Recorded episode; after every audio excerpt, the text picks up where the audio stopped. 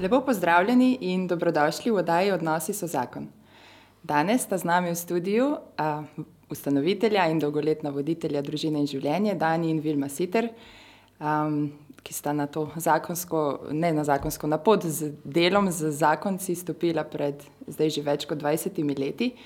Um, tako da jo tudi prav lepo pozdravljam. Dober dan. Dober dan, pozdravljeni. Um, danes smo se zbrali zato, da bi se malo uh, pogovorili o tej knjigi Svetost zakona, ki jo je napisal Gary Thomas. Pred parimi tedni smo se že pogovarjali um, na založbi, ki je izdala to knjigo uh, z zakoncema Siter. Uh, pa mislim, da je to tema, ki ni nikoli dovolj iz, uh, kako ne rečem, izčrpana in uh, se je vredno večkrat ustaviti uh, ob uh, tako pomembni temi, kot je zakon in uh, rast v, v zakonu. Zato smo rekli, da bomo posneli še eno oddajo, um, pa bomo kar začeli z uh, molitvijo. Mene očeta in sina in svetega duha. Amen. Amen.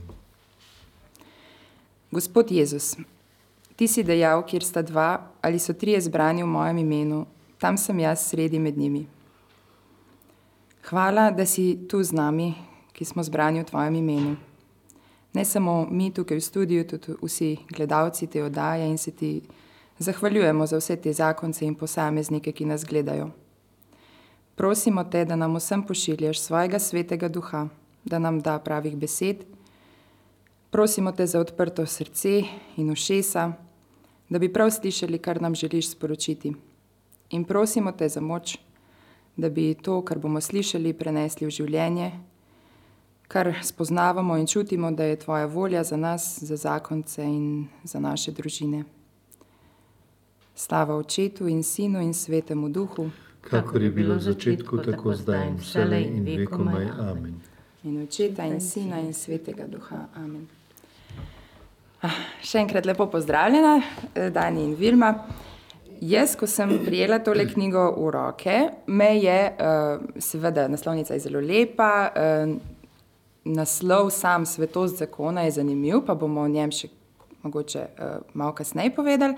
Ampak zbodlo me je ta podnaslov. Ta podnaslov pravi, kaj če je Bog ustvaril zakon bolj za svetost kot za srečo. In jaz sem razmišljala, kako si more uh, avtor, kako si lahko privošči tako izjavo, ko pa vsi radi govorimo o srečnih zakonih, pač si, si mi zdi, da si tudi želimo srečnih zakonov. Tudi, uh, mislim, da tudi Bog si želi, a ne vendarle, da ima ta zakon za srečen zakon. Um, mogoče za začetek, no, bi vaju vprašala, uh, če tudi vidva tako mislite, oziroma kakšna bi bila razlika med nekim srečnim zakonom, um, pa, pa zakonom, ki je mogoče še kaj več kot to, ali pa kaj večjega, boljšega. Ne vem, ali je sploh lahko več kot srečen zakon. Mhm. Jaz mislim, da se srečen zakon pa sveti ali pa posvečen zakon ne izključujeta med seboj. Jaz mislim, da sta ta dva pojma med seboj zelo, zelo povezana, s tem, da v bistvu danes veliko, veliko govorijo, govorimo recimo o sreči, in je v bistvu niti ne znamo prav definirati. Na drugi strani pa premalo govorimo o svetosti in pa svetosti ne znamo prav definirati. In imamo svet, o svetosti take predstave, da pač eh, nikakor ne sovpadajo z neko srečo, ampak prej sovpadajo z nekim trpljenjem, z neko stalno odpovedjo, z nekim stalnim nekim garanjem, z nekim bičanjem skoraj uh -huh, samega -huh. sebe ali kaj podobnega. Tako nekako se mi zdi, da imamo mi predstave o svetosti. In zaradi tega se v bistvu kao v naših glavah ti pojmi izključujejo v resnici se pa ne. Zato je to provokativno vprašanje, recimo tega avtorja Gerija Tomasa, na mestu, na mestu, da se v bistvu nad njim zamislimo, pa da ugotavljamo, kakšna je res pot našega zakona, ali je res to pot svetosti, pot do sreče. Jaz mislim, da je tako, a ne skozi pot svetosti do sreče, nikakor ne skozi pot sreče do svetosti. Ne? To dvoje ne gre, to dvoje pravzaprav mislim, da se izključuje, če bi tako rekli. Ne? ne izključuje se pa sam pojem svetost, ki ga moramo seveda osvetliti in pobliže ja. spoznati, in pa sreča. Ja. Prav uh, svetost se mi zdi, da je en tašen pojem, ki ljudem, nam, vsem skupaj, ni dovolj jasen. Res pa je tudi, da v preteklosti ni bilo govora o tem, kako naj bi zakonci postajali sveti, oziroma je bilo preveč enačeno to postajanje uh, svet, uh, podobno tistemu, ki so imeli izkustvo posvečenega samskega življenja. In je tukaj velika razlika med tema, ne, uh, kako lahko nekdo, ki živi sam, uh, ki živi samo za Boga, ne, uh, kako on postaja svet uh, in kako postajamo mi. Uh, zakonci, sveti, seveda s tem, da osnove so iste. To sigurno osnove so iste. Drugačne so pa dejavnosti, discipline in navade, ki si jih moramo privzgojiti, da pridemo do sreče. Jaz bi rekla, ne tako kot pravi ta uh, pisatelj, da je sreča dejansko stranski produkt poti proti svetosti. In to se je meni zdelo tako lepo. Ne? Sicer je malo tako medicinsko, ne? ker vem, da za zdravila imajo stranske produkte, ja. učinke. E, stranske učinke. Ja. No, ampak tale pa ni tisti, katerih bi se morali bati. Tega stranskega učinka. Tega stranskega učinka, sigurno, ampak si ga vsi želimo. Ne samo zameša se pa cilj. Uh -huh. Lahko se zelo hitro zameša cilj, ker cilj je svetost, se pravi, da ne bi bili srečni samo tukaj, dokler živimo, oziroma dokler je živ jaz ali pa moj zakonec, ne? ampak da bi vedeli, kje je cilj. Cilj je važen in ta so nebesa. Hmm. Ta, ta cilj je nebesa, ne so nebesa. Zdaj, vidva imata tudi seminar ustvarjeni za nekaj več. Ne? Jaz sem bila pred kratkim, no, sva bila z možem na seminarju, kjer v bistvu govorita zelo podobno o tej temi. Pa Vilma, jaz vem, da si se ti s to knjigo srečala že uh, nekaj časa nazaj, ko si jo brala še v angleščini. Um, v bistvu tudi ustvarjeni za nekaj več uh, predpostavlja dve stvari. Najprej, da smo sploh ustvarjeni, pa še to nekaj več, ta svetost, o kateri si zdaj govorila. Ne? Um, a bi mogoče malo lahko povedala um, oba, no, vaju vabim, uh, kaj to pomeni, a se zavedamo dovolj, da smo ustvarjeni in kaj bi to zavedanje o naši ustvarjenosti uh, pomenilo recimo za naše življenje, ne? potem zakaj smo ustvarjeni. Že če se zavedamo, da smo ustvarjeni, je vprašanje, če se zavedamo, da smo ustvarjeni po božji podobi. Mm. To se mi zdi, da je takšen temeljni, eh, temeljni kamen, na katerem potem lahko gradimo naprej. Če se zavedamo, da nas je Bog iz ljubezni ustvaril za ljubezen, ker Bog sam je ljubezen.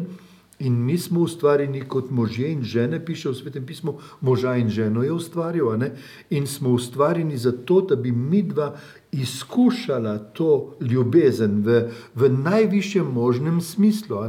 In je pravzaprav poročenost, najna poročenost, tudi Gary Thomas piše o tem, ne, je pravzaprav pot učenja te ljubezni, pot pravzaprav eh, ponotranjanja tega izkustva ustvarjenosti po božji podobi. Če je Bog ljubezen, sva potem mi dva ustvarjena, da mi dva živiva ljubezen. Če je Bog oseba, sva mi dva osebi in oseba je vedno za odnos ustvarjena. Se pravi, v Bogu samem je ta odnos in sva mi dva ustvarjena, da gradiva ta odnos, kako pravimo pri družini in življenju. Ne? Gradnja odnosa je pa za nas proces. Ampak Gary Thomas zanimivo pravi, da ta proces ni usmerjen v trenutke, kot si ti rekla, dokler bova tu na zemlji, mm. ampak je usmerjen v, v, s pogledom v večnost. In če si ti, recimo, na nek način res s pogledom v večnost, recimo v tem odnosu in ga izkušaš ali pa poskušaš vedno znova obnavljati to izkustvo, tiste ljubljenosti in tiste ljubezni, potem se mi zdi, da, smo, da se ta proces med nama pelje definitivno proti sreči in definitivno proti svetosti. Ja, ampak jaz mislim, no, da v današnjem svetu ne, zelo primankuje ta pogled onkraj zakona, ne, kot ga imenuje ta. Uh, Gary Thomasa. Ne? In uh, dejansko smo ljudje preveč fiksirani samo v ta svet okoli nas, mm. za katerega pa vsi vemo, da ni tako idealen, kot zgleda, da se mnogim uh, nič ne sanja o tem, kaj naj bi sploh bila ljubezen in to, da smo ustvarjeni po božji podobi, mhm. ampak živijo to življenje tukaj, ki pa je posledica, bi lahko rekli, paca, mhm. ne, greha, živimo v padlem svetu in mnogi izkušajo predvsem to trpljenje borbo za življenje in potem še borbo v zakonu, da bi nekako mi dvole preživela. Ne? In manjka res ta večnostna perspektiva, manjka. Ne? In če jo imamo, ne? ker potem s to večnostno perspektivo, oziroma z zavedanjem o tem, da smo ustvarjeni, da je za tem nekdo, ki nas je želel imeti. Se pravi, Bog, ki je ljubezen, ne, je želel, da bi mi vedeli in poznali njega. Ne? In še reči, živimo z nekom, ki je v bistvu naš oče, ki je naš ljubeči oče. In ko mi navežemo znik, z, uh, stik z njim, ko mu lahko kličemo aba, očka celo, uh -huh. potem pride v nas eno novo zavedanje, ena nova varnost, ena nova toplina nekaj, kar nam daje moč, da živimo tudi preko tistih razočaranj, ki smo jih deležni tukaj v najnem odnosu, v najnem življenju in v tem, kar nam sploh svet prinaša. Uh, Gary Thomas na začetku knjige govori o tej romantični podobi, ne, ki jo imamo, oziroma en, eni taki romantizirani. Uh, idealizirani. idealizirani podobi zakona, ki mhm. pravzaprav uh, ne samo, da, da ne zdrži, tudi uh, ne, vsi, vsi vemo, da po parih letih ne, ta uh, prva čustva recimo minejo. Ne, Uh, ostane pa nekaj uh, drugega, ne? zdaj malo sta že nakazala, ne? se pravi, nek odnos, če smo osebe, uh, moramo graditi odnos. Uh -huh. Dani rekel si, da se je treba učiti, uh -huh. ampak uh, uh, se mi zdi, da nimamo še dovolj tega zavedanja, no, da, da, se, um, da se tudi za odnose je treba nekako truditi, učiti. Um, mogoče razmišljamo, da se bo kar šlo samo od sebe. Uh. V otroštvu, ne, ko so otroci mali, uh -huh. so pravljice pomembna stvar, uh mhm. -huh. so nujna stvar in sta živela srečno do konca svojih dni. To je nujno, recimo, ker se s tem ustvarjajo pač otroci eno tako lepšo podobo in lepšo predstavo recimo, o življenju, ampak ta predstava ne more zdržati do konca. To je kot faza zaljubljenosti, kot si rekla. Mhm. Recimo, faza zaljubljenosti ima rok trajanja, tako imajo tudi pravljice rok trajanja. In potem, ko človek recimo, trešči ob neko realnost, recimo, se lahko raztreši letališči ali pa je pripravljen na, na pristanek v realnosti. Ne? Avion mora pristati v realnosti, recimo, ali na napisti. Ne? ne more se raztreščiti na pisti, recimo, naj, naj se ne bi. Ne? Bi bilo dobro, da se ne bi. Bi bilo dobro, da se ne bi. Ne? Mi, recimo, na nek način se pa lahko tudi raztreščimo v realnosti, če v bistvu mislimo, da je realnost kar neka, bi rekel, kar neka romantika, kar neko zaljubljenost, kar, neko, eh, kar neki metuljčki in tako naprej. Ne? Res je, da moramo to fazo romantike eh, na nek način prestaviti v realnost. Ne? V realnosti je tudi romantika, kdaj potrebna, nujno je potrebna. Recimo, tudi romantične trenutke moramo iztrgati iz neke krute realnosti, pravi Gary Thomas. Recimo, In vendarle je pa potrebna za realnost, oziroma za ljubezen v zakonu, je potrebna odločitev. Jaz se odločim za to, da želim s teboj graditi najn odnos. Jaz se odločim, da želim s teboj hoditi skozi življenje z roko v roki, zdaj pa. Ne samo to, ne? rekli smo pa tudi, da se odločim, da v bistvu želim še z nekom drugim graditi odnos. Ne? To je pa v bistvu ta tretji, to je pa Bog. Mi dva pred oltarjem, ko rečemo drug drugemu, da sprejmem tebe in ti obljubim, da ti bom ostal zvesta. Ne? Takrat v bistvu to obljubo izrečeva tudi pred Bogom. In pred pričami, se pravi, da Boga povabiva v najn odnos, da ne samo, da ga povabimo tako, da ga v bistvu nekam postavimo na neko polico, potem z njega občasno brišemo prah, ampak da ga povabimo v, v najnižji vsak dan, v najne pogovore, v najno občutke, v najno doživljanje, v najne stiske, probleme in tako naprej, vse, s čimer se srečujemo vsak dan. In potem je to pravzaprav tisti, tisti eh, prehod iz neke zaljubljenosti, iz nekega romantičnega v realnost in v taki realnosti, kjer so pravzaprav odločena, da bomo drug z drugim gradila odnos in z Bogom gradila odnos, a ne, v taki realnosti pa lahko pravzaprav stopimo na pot ali pa stopimo v proces tega posvečevanja, kot je v knjigi recimo govora, in tudi proces hoje proti sreči. No, pa pojdimo počasi po vrsti. Ne? Prosim.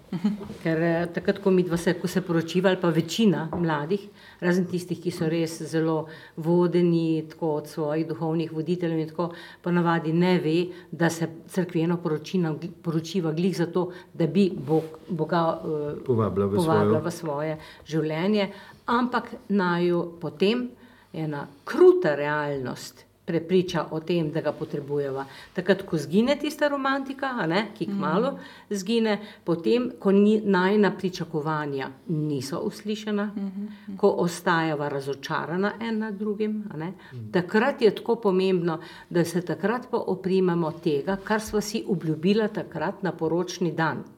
A Ne, zato, ker uh, vse to, kar, kar je vmes, a ne, da začneva potem res uh, tako zavestno, z odločitvijo graditi najn odnos, vmes so, je vse sorte faz. a ne. In ta uh, razočaranja so tudi naša realnost. a ne. In uh, veliko parov ostaja samo pri tem. In nikoli ne pride do tega, da bi se odločili in začeli graditi res en takšen boljši odnos, ki bi jima prinesel eno drugo ali pa tretjo fazo, če temu rečem, zaljubljenosti, ki je v bistvu pa predana ljubezen. ne. In um, se mi zdi, da je pa tako zelo potrebno, da se o teh stvareh ozaveščamo, da enkrat en sliši, drugič drugi sliši, ne da to ni vsega konec, ko enkrat pridemo do razočaranj, ko pridemo enkrat do tega, da v mojem zakonu pa ni tako, kot sem jaz pričakovala. Mi pravimo, ko pridemo do globoko do ene odtujenosti, ki lahko hitro vodi v ločitev, ampak da se temu oprem. In takrat je uh, zaveza, ki smo jo sklenila, tako zelo pomembna. A Ne, ker če ni uh, ta zaveza sklenjena, res zavestno, ne, če je to samo nekaj na papirju, potem res nima svoje vrednosti. Ampak dejansko pa je, to je vel, velika vrednost, ker prav ta zaveza naju varuje takrat, ko je nama težko. In takrat sva potrebna te božje pomoči, da lahko vztrajava da lahko upava preko upanja, da lahko uh, zaupava, da bo enkrat nama spet uh, lepše. a ne. In ta romanticirana, ali kako se že imenuje, romantizirana, ali ne vem kako, uh, ljubezen, a ne, ki je zdaj zelo, zelo uh, Popularna. popularna v, med, v našem svetu, a ne, je naredila res veliko, veliko škode in končala veliko uh, zakonov. a ne. Ker ljub, Ker so napačna pričakovanja. Ne? Ja, pa tudi lju- zaljubljenost ne, dejansko ti ne prenese ene rasti. Ne. Uh -huh. Zaljubljenost te spodnese, uh -huh. ne pa nese v eno pravo smer. a Ne. Ja, pa še neuroznanost v bistvu nekje trdi. Oziroma, Ja, to je meni zelo, zelo zanimivo. Ne. No, povej to ja, o tisti nevroplastičnosti, o kateri govorimo. možganov. Ja, ne. tako je. Mislim, Meni je to res taka tema, no, ki mi je zelo všeč, a ne, ker dejansko uh, ta znanost ne, uh -huh. potrjuje, da so resnice zapisane v svetem pismu nekaj realnega, uh -huh. kar se odraža na celem našem telesu, pa če se mi zavedamo ali pa ne. ne. Uh -huh. No, ta znanost govori o tem, da so naši možgani podobno, kot bi s plastelinom oblikovali ne- nekaj, ne, ampak da se naši možgani oblikujejo z navadami, ki jih mi dva utirjava v svoje življenje. Problem je v tem, ker smo mi 20 ali pa nekateri 30 ali pa celo več let eh, imeli svoje možgane eh, nekako utirjene eh, v tisto eh, ednino, v v ednino, samskost. v samskost. a ne.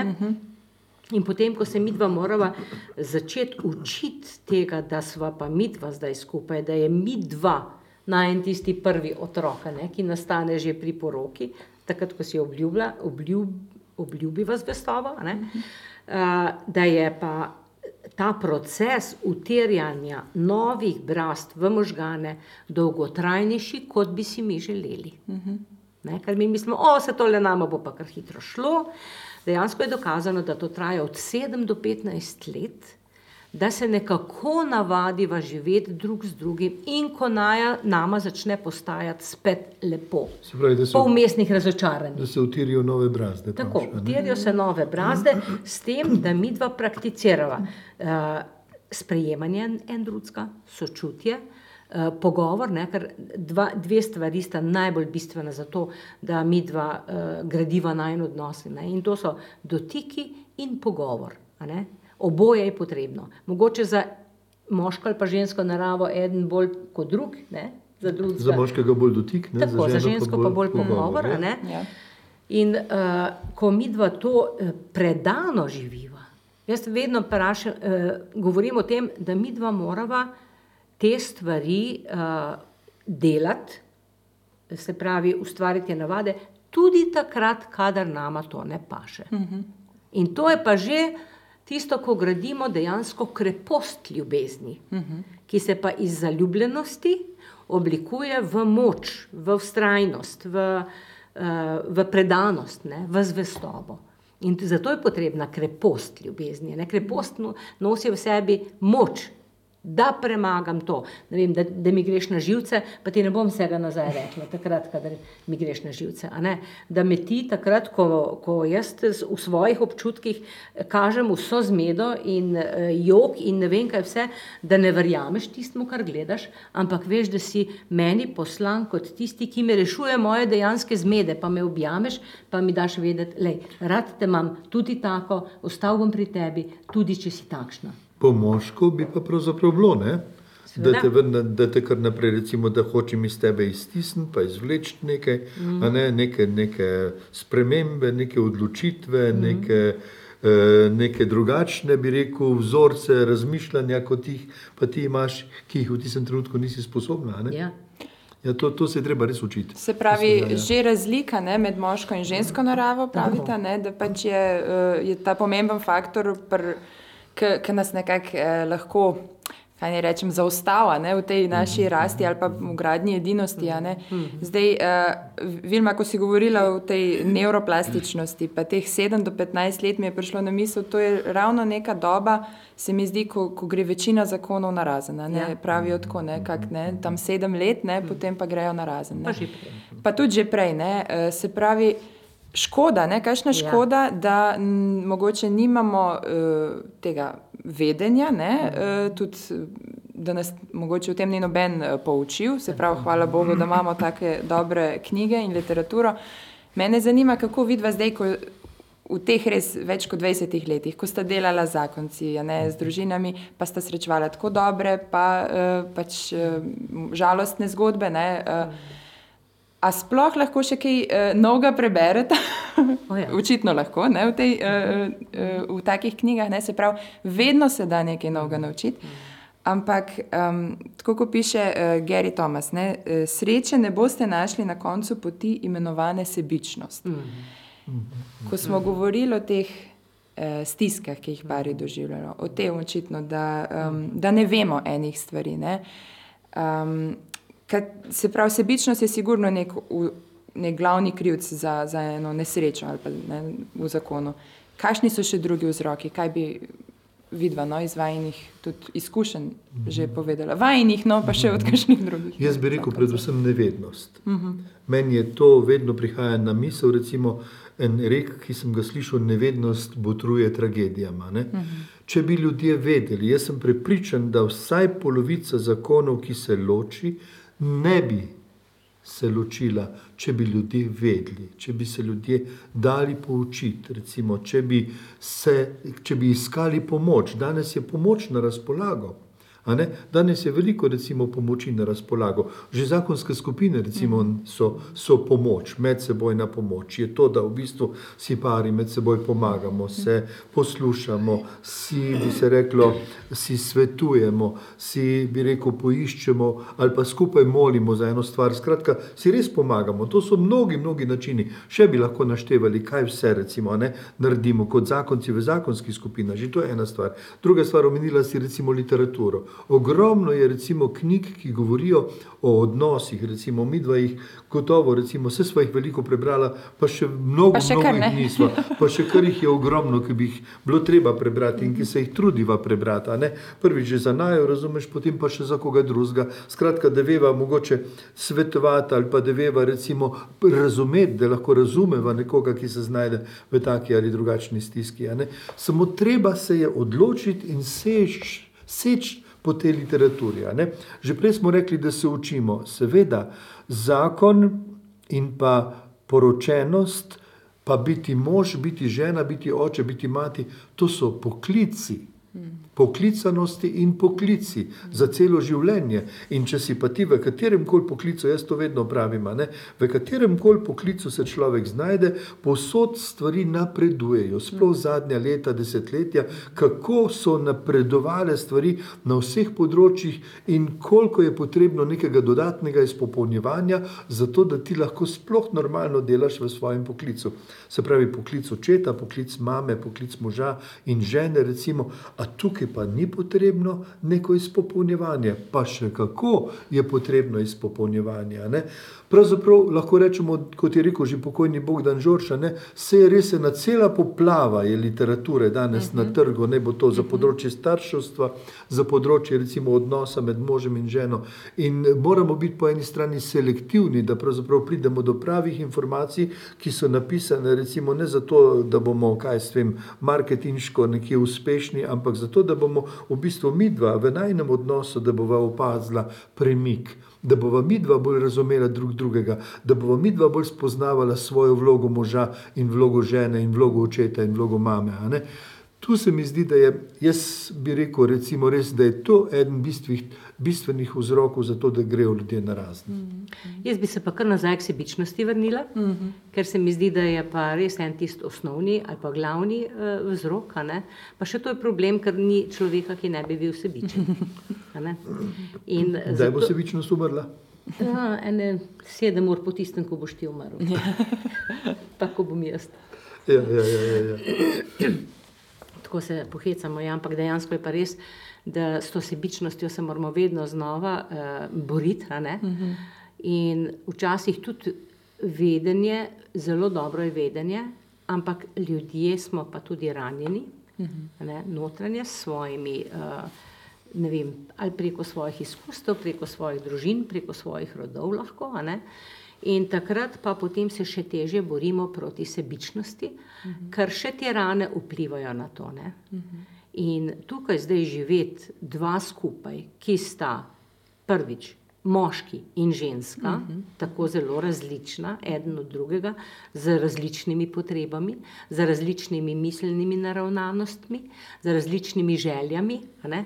Se pravi, je že tukaj lahko, potem pa še dva ranjena človeka, ki prinašata v svojo skupno zgodovino vsak rane iz svoje družine. ne. Sicer, hvala Bogu, ne, se najdemo, pa je tisti, ki imamo komplementarne rane, kar pomeni, da nekako sovpadajo te rane en v drugega, je pa res, da ker so komplementarne, se tudi toliko bolj ranjujeva en drugega.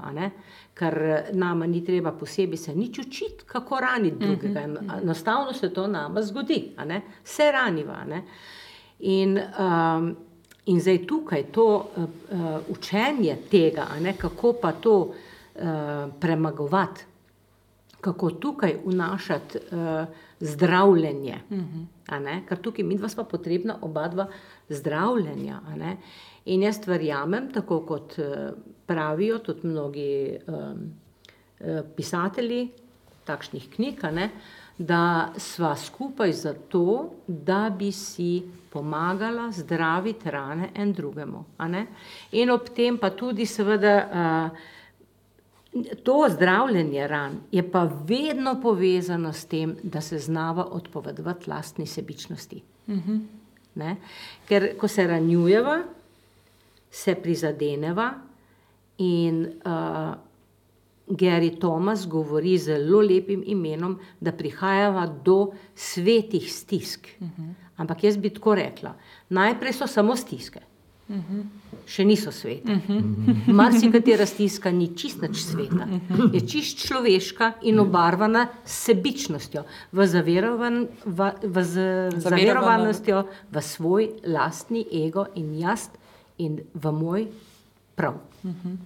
In tukaj se največ kreše. a ne. Uh, in dokler jaz ostajam pri svojem prav, dokler jaz obstajam, da so moji občutki najpomembnejši na svetu, da uh, ti itak vedno delaš vse narobe, a ne, tako v glavi ne, nekoga, ne, potem najne stiske ne morejo biti niti rešene, niti svete. Če pa hočeva, Ko gledaš samo svojih 5%. Ne? Ja.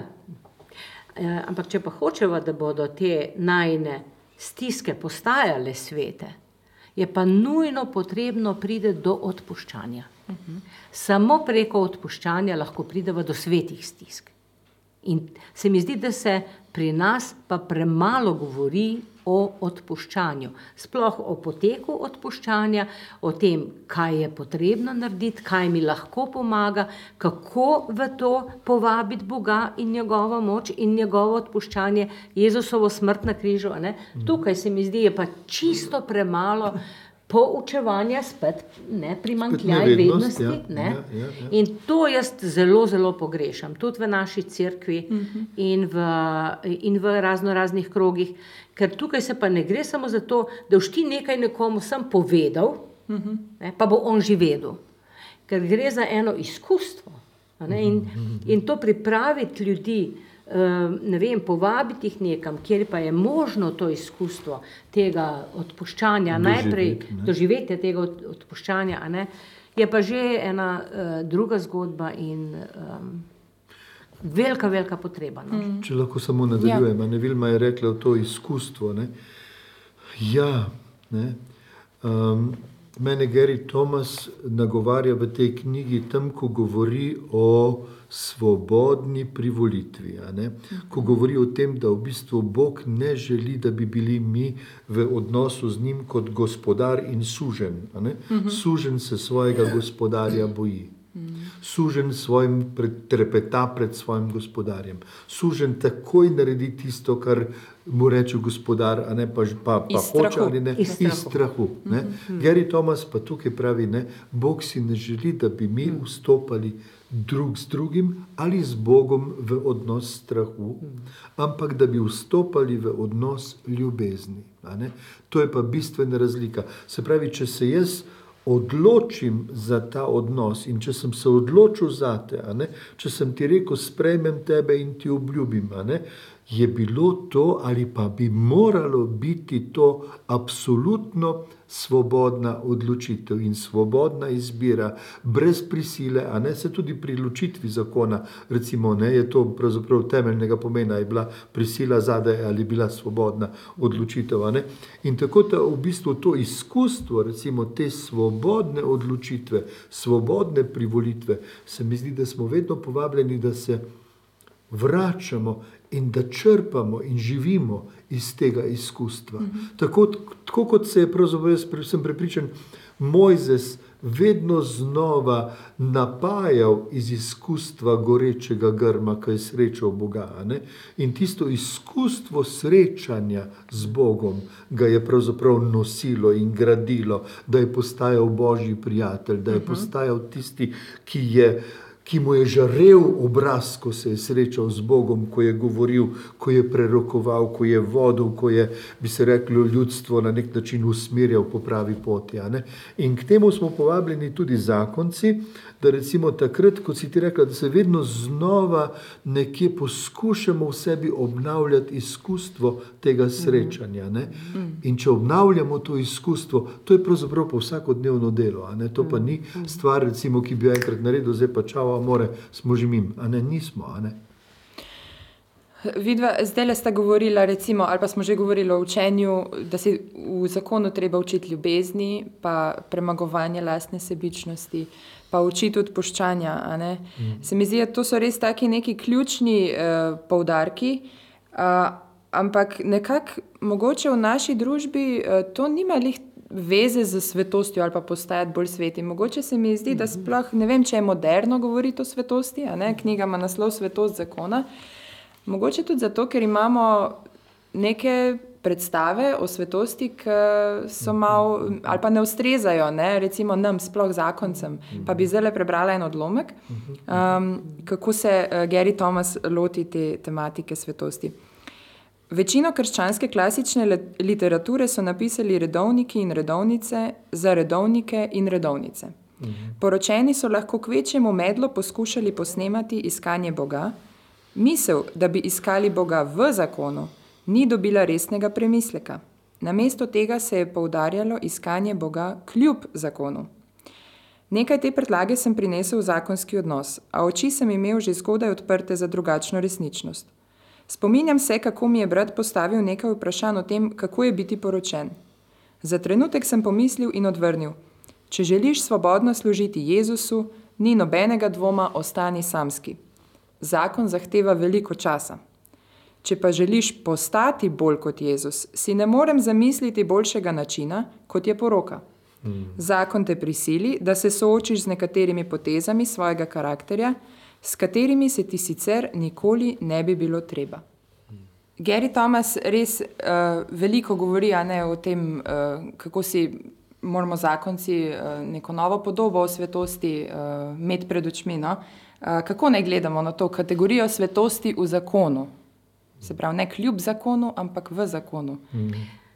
Pa jaz mislim, da če bi nekako uh, bolj podrobno že pogledali svetopismo, ne, uh -huh. bi videli. Pavel je vedno pisal svetim, naprimer v Kolosah, svetim v Filipih, svetim v Korintu. Uh -huh. Potem pa, ko naprej beremo to celo poslanico Korinčanom, pa ne vem, Kološanom, pa tako naprej, vidimo, da še zdaleč niso bili sveti.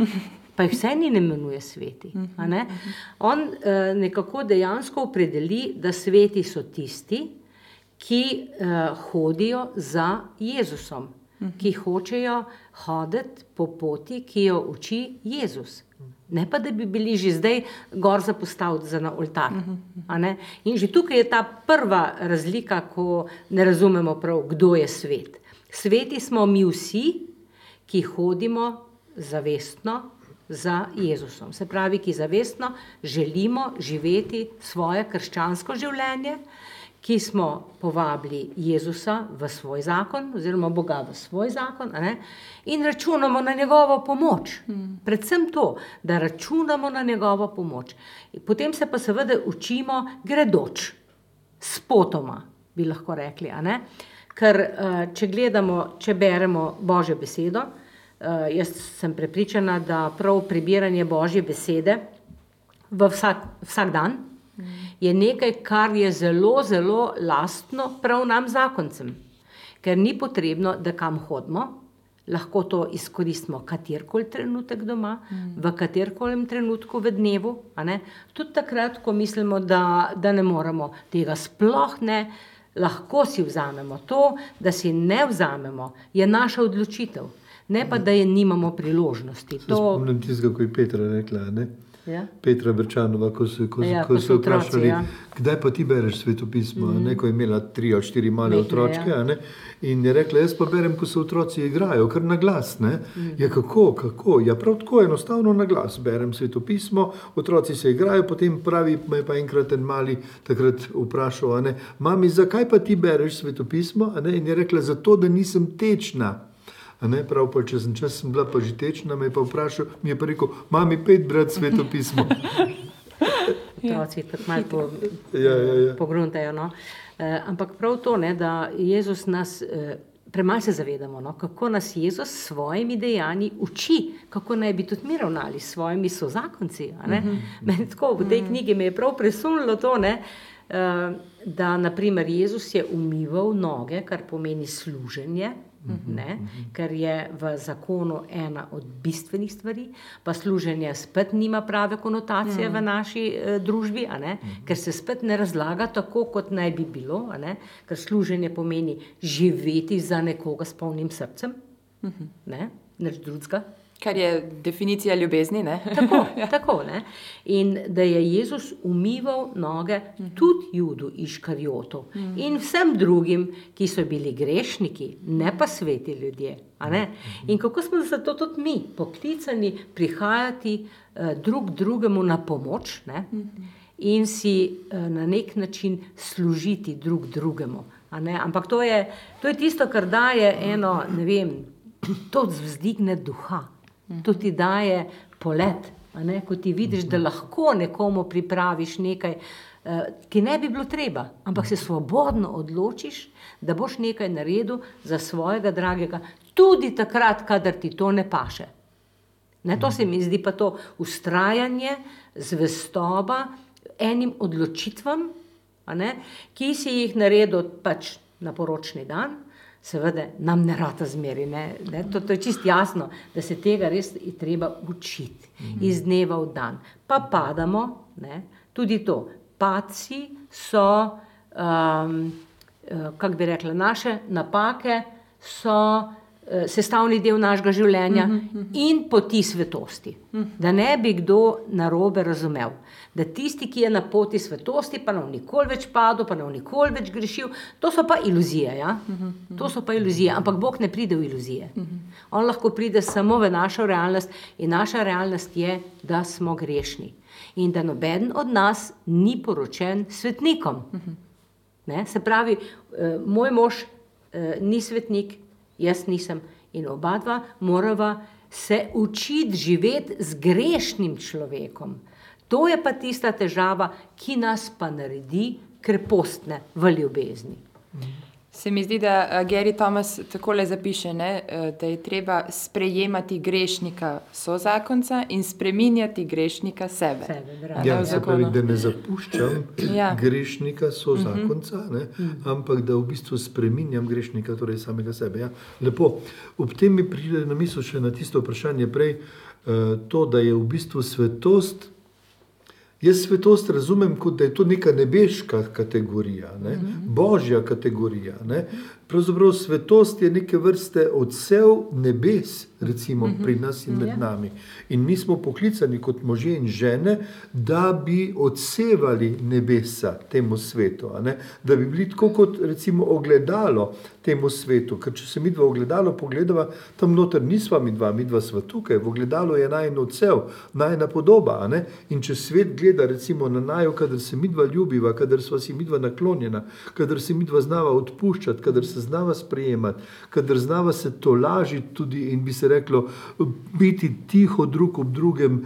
Ne pa da jaz kar naprej vrtam vate, takrat, ko ti ni všeč. Ne? Seveda, takrat lahko rečemo, da smo odsev te podobe. Takrat se to med nama dogaja rast v svetosti. In zato so, pravi Gary Thomas, eh, spori, pa konflikti, pa vsebičnosti, pa vse te stvari so priložnosti za rast v svetosti. a ne. Men, mislim, da je to eno tako upanje, meni daje to upanje, da v bistvu, da, da, da, da, da takrat, ko vidim, recimo, da sva spet trešila ob tla zaradi najne sebičnosti, da to ni pravzaprav začetek konca, ampak da je začetek, bi se reklo, nekega nove, neke nove rasti, nekega novega upanja, neke nove naklonjenosti in pripadnosti med nama. No? To, ampak se mi zdi, da je tukaj pa vseeno treba eh, vedeti, mi dva sva poklicana, da se ozaveščava drug drugega in samega sebe, da je tu potrebno pa sprotno čiščenje Ja, fajn je. Sprotno odpuščanje. Mm. Ker v bistvu, če se nalaga neodpuščanje na neodpuščanje na neodpuščanje, ne, mm. potem se pa res stvari zapacajo. Ne? In to se tako zapacajo, težko je pravzaprav očistiti eno desetletja, bi rekel, nekje zapacano okno, ki je v bistvu kar naprej bilo izpostavljeno nekim, nekim umazanijam. ne. Eh, Pa še se da, če se Pa še hoče. se da, Da če se se je. hoče. Tako, ne? Ja. Mi dva smo pravzaprav povabljena, da za sprot čistiva, kar pomeni, da naj ne zaide sonce nad najno jezo, kot pravi Pavel. a ne. Tako kot smo večkrat že rekli, recimo, ko sneg pada, ga lahko te prvo še z metlo pometeš, a ne? ko ga zapade eh, meter ali pa pol, pa dva metra, recimo, takrat ga ne moreš Je z metlo. težje, ne, je težje je dela. težje, tako, tako, tako. A, Gary Thomas piše, da glavna tema te knjige ni uh, tako zakon, ne, da je duhovna rast, zakon je le kontekst. Se mi zdi, da je to res uh, pomembno, kako naj zakonci ali pa ljudje nasplošno no, prepoznamo potrebo po tej duhovni rasti. A sploh uh, imamo to zavedanje, da je recimo to tisto, kar potrebujemo, pa iščemo, ne pa boljši zakonec oziroma nek drug odnos ne, z osebo, ki se bolj ujame z mano. Um, oziroma se mi zdi, da več, veliko ljudi gre v zakon ne, z neko predstavo, um, da sem našel zdaj neko sorodno dušo ali pa nekaj, ne, eno osebo, s katero se ujam, ujamem, pa potem ugotovi, da pa le ni taka, ne, to smo že malo uh, govorili. Um, in ko sta govorila o tej uh, večnostni perspektivi, no, bi jaz prebrala še en odlomek, če ste za to, pa bomo še to potem malo pokomentirali. Zakon je za vse nas le začasen, če pogledamo na nas perspektive večnosti. Resnica je, da bo moj in lisin odnos z Bogom trajal dlje kot najn zakon. Najverjetneje bo prišel čas, ko bova jaz ali Lisa odšla v večnost pred drugim. Za kristjana je zakon predzadnja, ne poslednja resničnost. Zaradi tega lahko oba najdeva več smisla, če skupaj iščeva Boga in prepoznavava, da je On edini, ki lahko izpolni duhovno krepenenje v najnih dušah.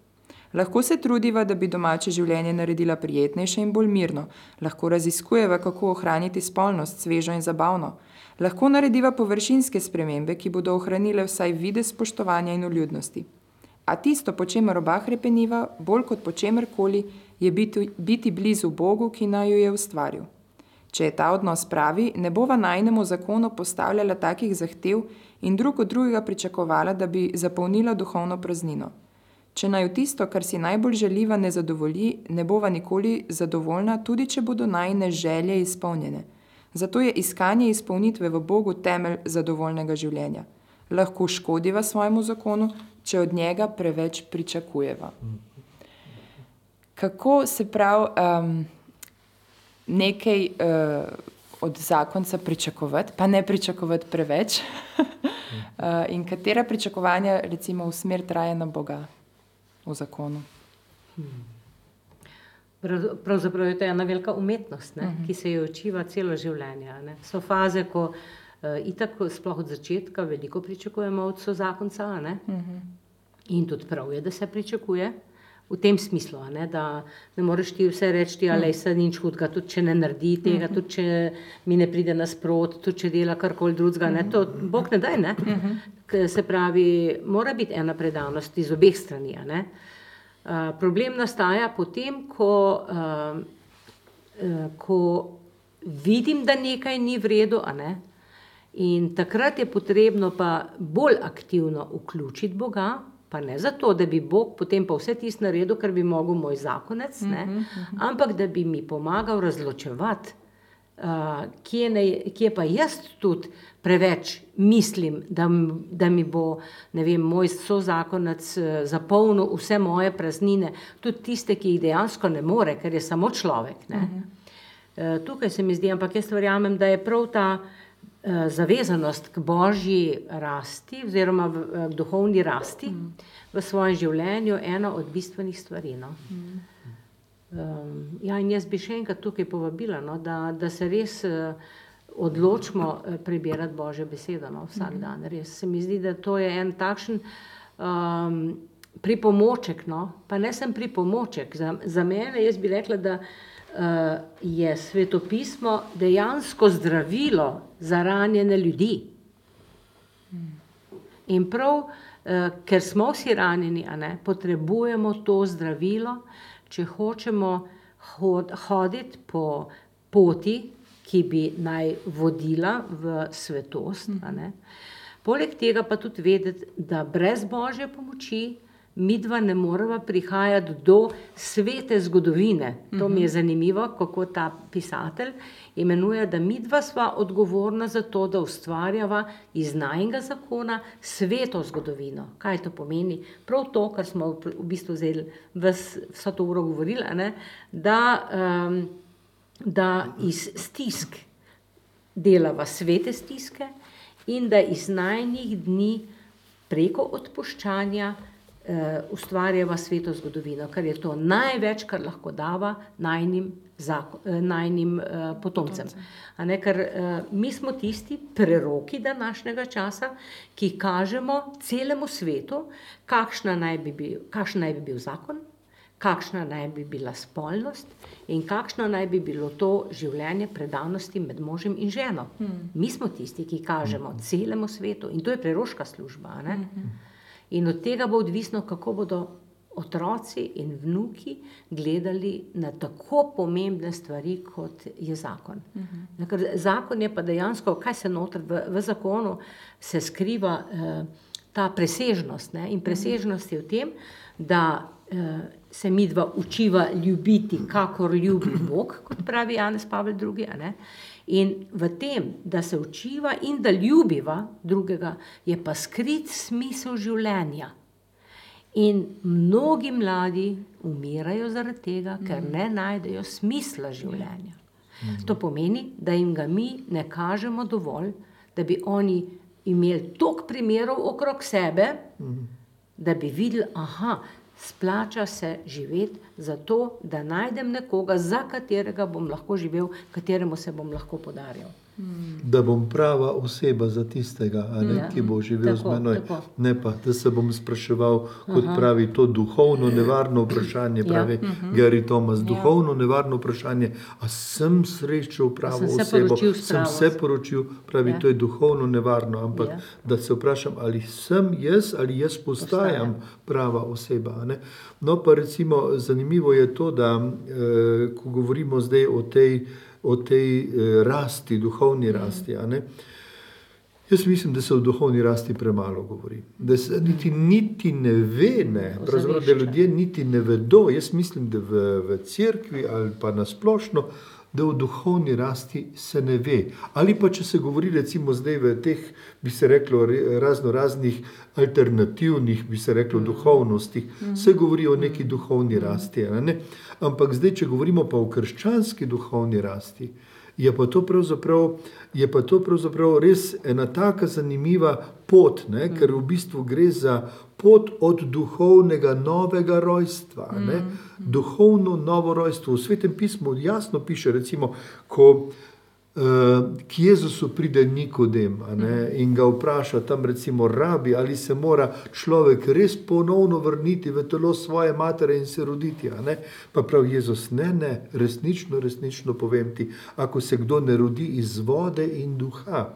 In jaz sem pripričan, da v bistvu se tisto neko novo rojstvo se zame zgodi takrat, kadar jaz osebno, kot odrasel človek, zavestno in svobodno rečem, da je Jezus, ne. Hočem, da si ti v mojem življenju prisoten, hočem, da si ti moj spremljevalec skozi celo življenje, hočem biti v tebi in s teboj. Recimo, ne. Tisti osebni da, ker ko smo bili pri krstu, so za nas rekli ta da naši starši, pa naši botri, ne. ko smo pa odrasli, recimo, pa smo povabljeni, da ta da rečemo sami. In ta da, jaz, jaz se spomnim, jaz sem ga izrekel tam nekje pri 22 letih. In uh, mislim, da sem ga od takrat naprej že tisoč in tisočkrat obnovil, ker v bistvu gre za to, da tako kot obnavljam svojo zavezo z ženo, ko sem, ne obnavljam vsak dan znova, ti danes ti hočem pripadati, danes te hočem sprejemati, ne, tako v bistvu tudi Jezusu vsak dan znova izrekam. In je to tista pot, da postajam najboljša verzija samega sebe, tudi to moderni izraz danes. In če hočem postati najboljša verzija samega sebe, torej tista verzija, ki jo je Bog si zamislil, ko me je ustvaril, potem nimam druge poti, kakor da se družim z Jezusom. Vsak dan družim z Jezusom po njegovi besedi, po kruhu njegove besede in po kruhu, kruhu ne. Hvala, hvala vama za vse te uh, besede, no, da smo tako na enem mestu ponovno, a ne marsikaj uh, slišali, ampak uh, se mi zdi, da se je vredno vedno znova no, uh, napajati uh, o božji besedi, tako kot ste rekla. Uh, pa tudi, kako pomembno je, ne, da se zakonci vemo, mogoče, ne, kje, kje dobimo duhovno hrano in kje dobimo tudi pomoč, kot ste rekla, da se uh, izobrazimo, ne, da, se, da se učimo, da se učimo ljubiti, da se učimo odpuščati. a ne. Uh, tako da res še enkrat no, iskrena hvala. Hvala tudi Hvala vsem lepa. vam, ki ste um, nas poslušali. Uh, in vas vabimo še naprej, da nas spremljate, da se uh, prijavite na naš uh, YouTube kanal, kjer take in podobne oddaje pripravljamo tako redno uh, za vse vas. Uh, všečkajte, komentirajte, veseli bomo kakšnih vaših tudi predlogov, o čem bi še želeli, da govorimo. Um, všečkajte nas tudi na Facebooku in nas tam uh, spremljate. Tako da eh, želim vam vse dobro in nasvidenje do naslednjič. thank you